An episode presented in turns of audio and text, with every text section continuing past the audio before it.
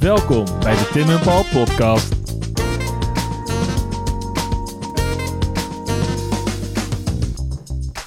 Hallo, hallo. Paul, we zitten weer. We zitten er weer. Ja, we zitten, we zitten weer in lockdown. Hè? Ja, maandag eh, is het heugelijk nieuws bereikte ons dat Nederland wederom in, in volledige lockdown gaat. Een historische persconferentie in het torentje. Tweede keer, tweede keer dit jaar. Ja, Torbeck op de achtergrond en we mogen niks meer.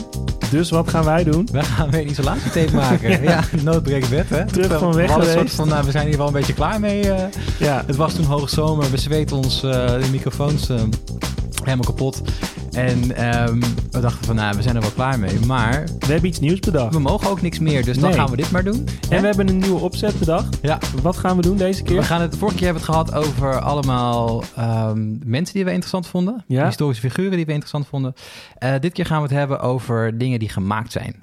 Dus Uitvindingen. Uitvindingen en Nieuwe dingetjes. dingen. Dingetjes, ja. En eh, jij weet heel veel over dingetjes. Want als ik het even cru zeg, jij bent eh eh, vakkundig, conservator dingetjes. Ja.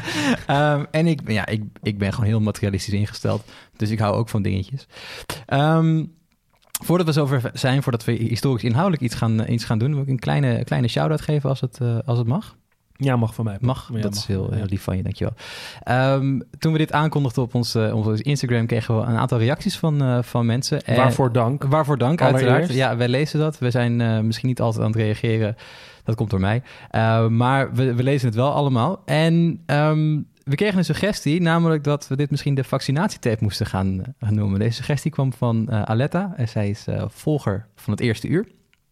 Um, maar het probleem is als wij dit de vaccinatietapes gaan noemen, dat we dat pas vanaf 8 januari mogen gaan uitzenden. Dus we houden het even op de isolatietapes. En daarmee proberen we jullie rond die duistere dagen, rond kerst, een beetje blijdschap en vrolijkheid mee te geven. Een beetje op te beuren. Ja, dat hebben we toch wel een beetje nodig met, met z'n allen. Ja. Dus um, ik weet niet waar we het over gaan hebben, Tim. Ja, ik weet wel waar ik het over ga hebben. Ik weet niet waar jij, waar jij het over gaat hebben. Zal ik als vanuit weer gewoon Ja, beginnen? dat was traditiegetrouw dingetje, hè? Jij, uh, jij begint, dus uh, Ik succes. wil, ja, ik wil het graag hebben um, over de Stengun. Ja. Een revolutionair wapen, uh, bedacht tijdens de Tweede Wereldoorlog. Een pistoolmitrailleur. Um, en laat ik gewoon maar even beginnen bij het begin. We moeten terug naar de zomer van 1940. Die broeierige ja, zomer. Het, het, moment dat uh, West-Europa in de fik staat en de Duitse legers eigenlijk iedereen onder de voet lopen, I, uh, is er een deel van het Britse leger, de British Expeditionary Force, uh, hard aan het vechten in, in ja, Noord-Frankrijk en België om die, om die eh, Duitsers daar weg te houden. We weten allemaal dat dat niet lukt en dat zij bij Duinkerken uh, moeten evacueren. Daar is ook een film over gemaakt, ja, toch? Ja, toffe film. Um, en bij Duinkerken komen er een uh, hele hoop mensen die weten te ontsnappen. Maar er blijft heel veel materieel achter. En dat is echt voor het Engelse leger een grote aderlating en daar moeten ze wat mee. Tegelijkertijd zijn ze heel bang dat de Duitsers ieder moment um, een invasie kunnen gaan ondernemen. Dat waren ze ook van plan, toch? Dat waren ze van plan en ja. dat kon ieder moment gebeuren. Dus de Engelsen moesten zich verdedigen, maar ze hadden geen spullen meer. Want die, die waren lagen allemaal nog in Frankrijk, ja. ja. probleem. ja. Dus gaan ze uh, nieuw, een nieuw wapen ontwikkelen. Uh, en de belangrijkste eis daarvoor is dat het uh, goedkoop geproduceerd kan worden. En wat bedenken ze? De Stengun. Die Stengun is, is gebaseerd op een, uh, op een Engelse pistoolmitrailleur. Duits. Ik, oh, sorry, een, ja, een Duits pistoolmitrailleur inderdaad. Um, de MP18. Um, en dat was een ander wapen wat eigenlijk grotendeels lijkt uh, op de Stengun. Die heeft ook die, die, die gekke, dat typische magazijn zo aan de bovenkant van de loop aan de linkerkant. Ja, ik, ik, ik ken dit wapen um, van wat ik vroeger toen ik jong was Call of Duty ging spelen en zo. Ja, en dan, had je dit, en dan had er zo, zat er zo'n raar magazijn aan de zijkant. Ja, dat ding, ja. Ja. Um, en dat was gewoon een ontwerpding. Het was ook wel handig, want je kunt je voorstellen dat als je een, een ander wapen hebt waar zo'n lang magazijn zit, want, want dat was ook een van, van de grote doorbraken bij die pistoolmitrailleurs. Uh, tot dan toe ha hadden geweren, uh, van die grendelgeweren, hadden vijf, zes um, uh, ja, kogels die je kon afschieten voordat je weer moest herladen. Ja. En met een stengun hangt een beetje van de lengte van, van het magazijn af. Uh, maar zit je volgens mij rond de 25 à 30, uh, ik doe het even uit mijn hoofd hoor. Um, moet ik even in, ja, 32 uh, kogels zitten er in zo'n eh, in zo'n magazijn. Dus dat is best wel lang. Ja. En je kunt je voorstellen dat als dat magazijn aan de onderkant eruit steekt, dan kan je niet lekker liggen om te schieten. Je, je moet de hele tijd he- heb je die hoogte van dat magazijn. Dus wat dat betreft was het best wel handig dat bij de Stengun dat ding aan de zijkant zat. Ja. Nou wil je natuurlijk van mij weten waar die naam vandaan ja, Tim. komt. Want MP, hè, dat Duitse wapen waar je het over had, dat Machinepistolen. ja, lekker Duits. Ja, Ja, die- prima, simpel, had. Die kan je aanzien komen. Nou, de S en de T in de naam Sten Ja. komen van de twee ontwerpers. Dat is enerzijds Major Reginald Shepard en aan de andere kant Harold J. Turpin. En die twee mensen hebben dat wapen dus bedacht. Dan heb je nog de E en de N over. Nou, dat verwijst naar Enfield. En dat ehm, was de plek waar de grootste, een van de grootste Britse eh, wapenfabrieken stond. Ja, dus de Lee Enfield is een bekend geweer toch ook? Ja, Ja. en dat komt dus ook weer van, die, van, Ja. die, van dat ehm, Enfield-ding terug. Nou, eh, die steengun die ontwikkelt zich verder eh, door de oorlog heen. Je hebt de, de 1, de 2, de 3, de 4 en de 5. en die 5 is eigenlijk wel grappig, want dat is een best wel chic wapen wordt dat weer. Waar die dus aan het begin is ontworpen als echt iets wat je kan stansen uit plaatstaal. Zo goedkoop mogelijk. Ja. Wordt het aan het einde weer een best wel sophisticated ding met houten grepen. Ja, de Engelsen en- waren aan het winnen, hè? Ja, tuurlijk, dan is er We weer een beetje- wapens wat mooier maken. dan, is er, dan is er weer een beetje geld inderdaad. Ehm, en het leuke is, is dat er best wel veel discussie over dit wapen is... of het nou eigenlijk goed was of niet. En er is wel een mooi citaat, eh, moet ik even, ja, van Max Hastings. En Mhm. Max Hastings is een best wel bekende schrijver, eh, historicus over de Tweede Wereldoorlog. Ja, die schrijft daar boeken over. En die is nogal uitgesproken over de Stengun. Mag ik een citaat voorlezen? Graag, ja. in mijn beste Engels. Eh, hij om- omschreef het wapen als volgt: Highly unreliable, prone to jamming, and inaccurate beyond 30 meters. It was un- unsuitable for guerrilla operations in open country because it encouraged waste of ammunition. But it was easy and cheap to produce. A gun was said to cost 15 shillings, three quarters of a pound. Dus dat vat het wel een beetje samen. Ja. Ehm, want er zijn bijvoorbeeld ook verhalen dat als je dat wapen eh, op de veiligheidspal zette en dan liet je hem vallen, dat hij het gewoon toch af kon gaan en dat je dan gewoon, gewoon maar moest bukken totdat die 32 Even kogels, dat ja, het, eh, totdat dat magazijn leeggeschoten was. Maar toch is het wapen eh, super in- invloedrijk geweest, ook omdat het laat zien ehm, hoe in een soort van massale economie, hoe dat toegepast kan worden op de productie van zo'n wapen. Er zijn echt zoveel van deze dingen geproduceerd. Wat, wat in het citaat ook al stond, ze, waren, ze werden eh, gedropt voor verzetsmensen, ook in Nederland. En ja. het was gewoon dan vervolgens een super simpel ding. Heel foolproof, iedereen begreep het.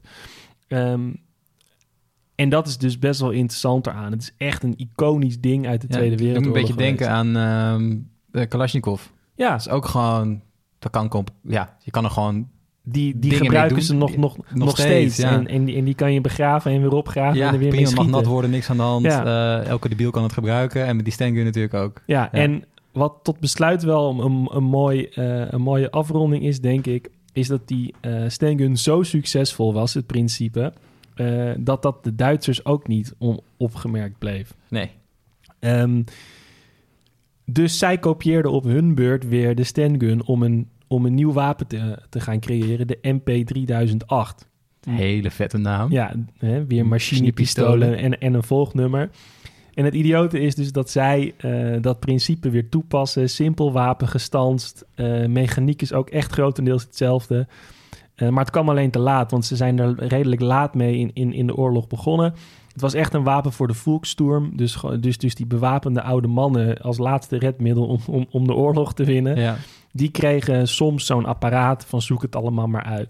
Maar daarmee is het cirkeltje wel gewoon, ja, gewoon weer rond, Rond, wat mij ja. betreft. En laat alleen maar zien wat de impact van de stand Van zo'n, ja, zo'n, eigenlijk zo'n simpel idee is geweest. Ja. Dat zoveel impact heeft gehad. Ja. Ja. Nice. Thanks. ja, graag gedaan, Het zit, er- Paul. het zit er weer op voor de eerste... Ja, de, eerste, de kop eerste, is eraf. De kop is eraf. ja, nu mag ik, eh, mag ik een verhaaltje gaan vertellen.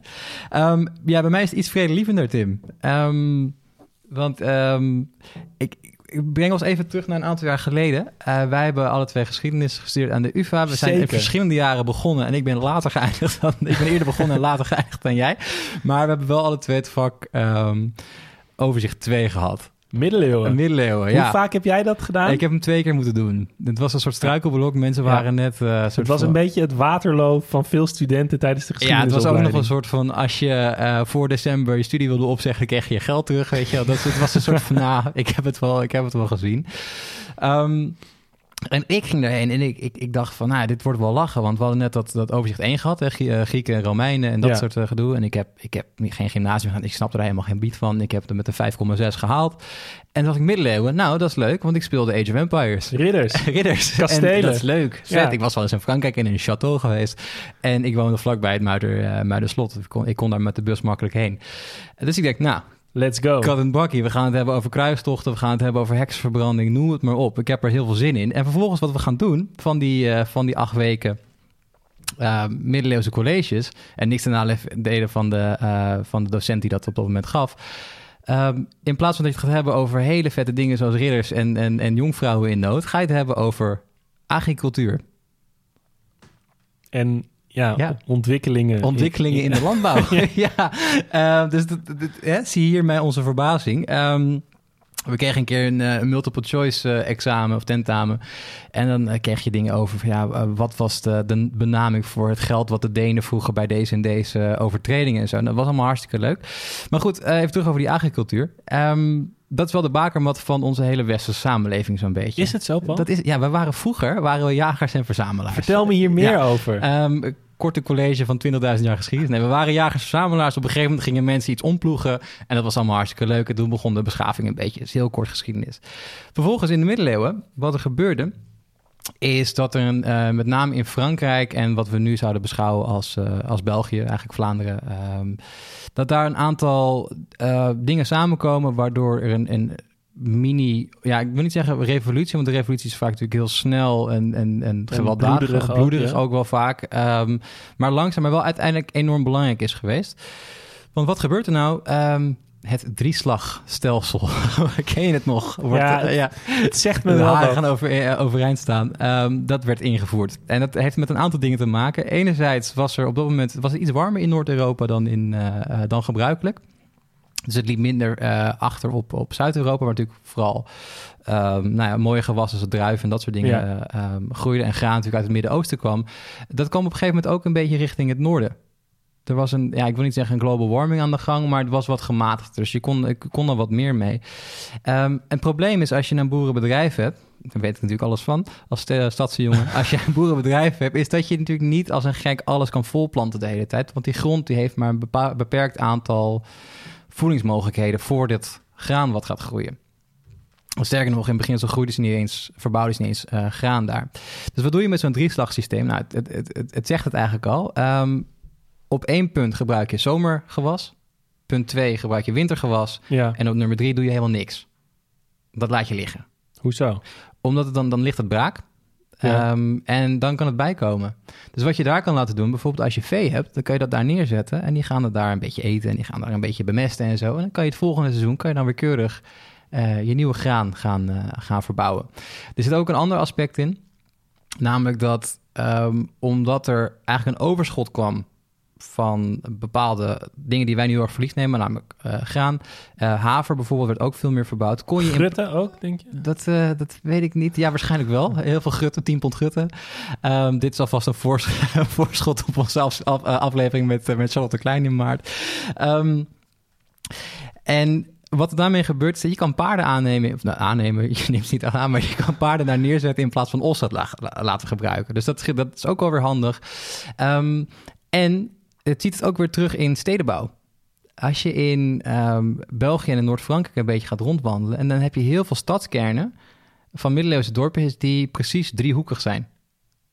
Omdat ze in het midden zitten van zo'n... eh, Drieslag. drieslagsysteem. Ja, dat zie je dus nog steeds, eh, nog steeds, nog steeds terugkomen. Eh, dus je ziet het terugkomen in de stedenbouw. En het is ook een beetje een democrati- democratisering van voedsel.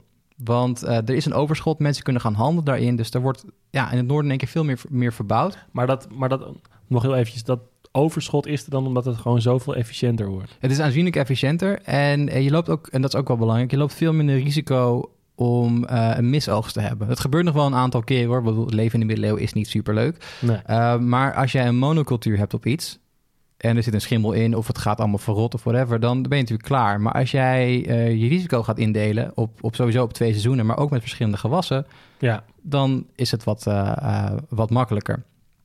Ehm, er zijn ehm, boze tongen die beweren dat dit is ook een soort van ja, dat idee van risicospreiding, dat het later nog doorgewerkt heeft in bijvoorbeeld in dingen zoals de Hanze en in, in mijnbouw. Ik weet niet of dat echt, echt, zo, echt, zo ver kan, kan trekken. Ik denk dat het ook gewoon een logische stap is die mensen van zichzelf uit maken. Uh, maar het heeft in ieder geval heel veel, uh, heel veel geholpen. En uh, ja, er zijn meer calorieën te verdelen onder de mensen. Dus mensen zijn wat gezonder, leven Ja. misschien wat langer. Ja. En um, je wil ook dan met andere plekken handel aangaan. En je wil met andere plekken wil je misschien denken van... Ah, goh, uh, misschien heb jij nog een paard over of een os over. Dan kunnen we dat gewoon gaan, uh, gaan delen. mogen dus, wij die? Ja. je, dus je krijgt... Um, ik wil niet zeggen verstedelijking... maar je krijgt wel tussen verschillende dorpen... krijg je meer contact buiten je eigen familie om.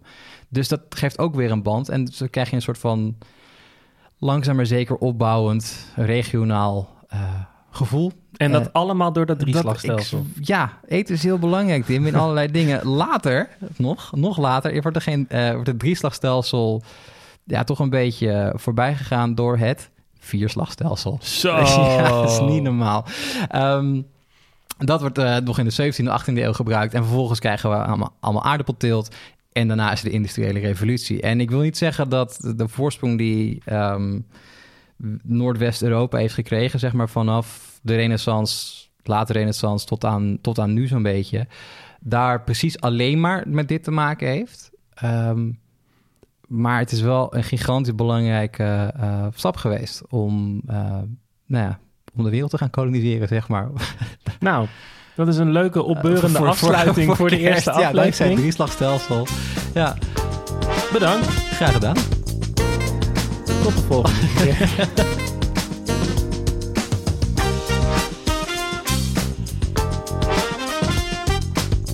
Vond jij dit nou een interessant verhaal en wil je meer over geschiedenis weten? Hou dan onze Instagram in de gaten. We zouden het ook heel leuk vinden als je een recensie achterlaat. Vijf sterren, mag gewoon. En heb je nou een vet idee waar we het over kunnen hebben? Slide dan in onze DM's. Durf gewoon te vragen. Tot de volgende. Groetjes thuis.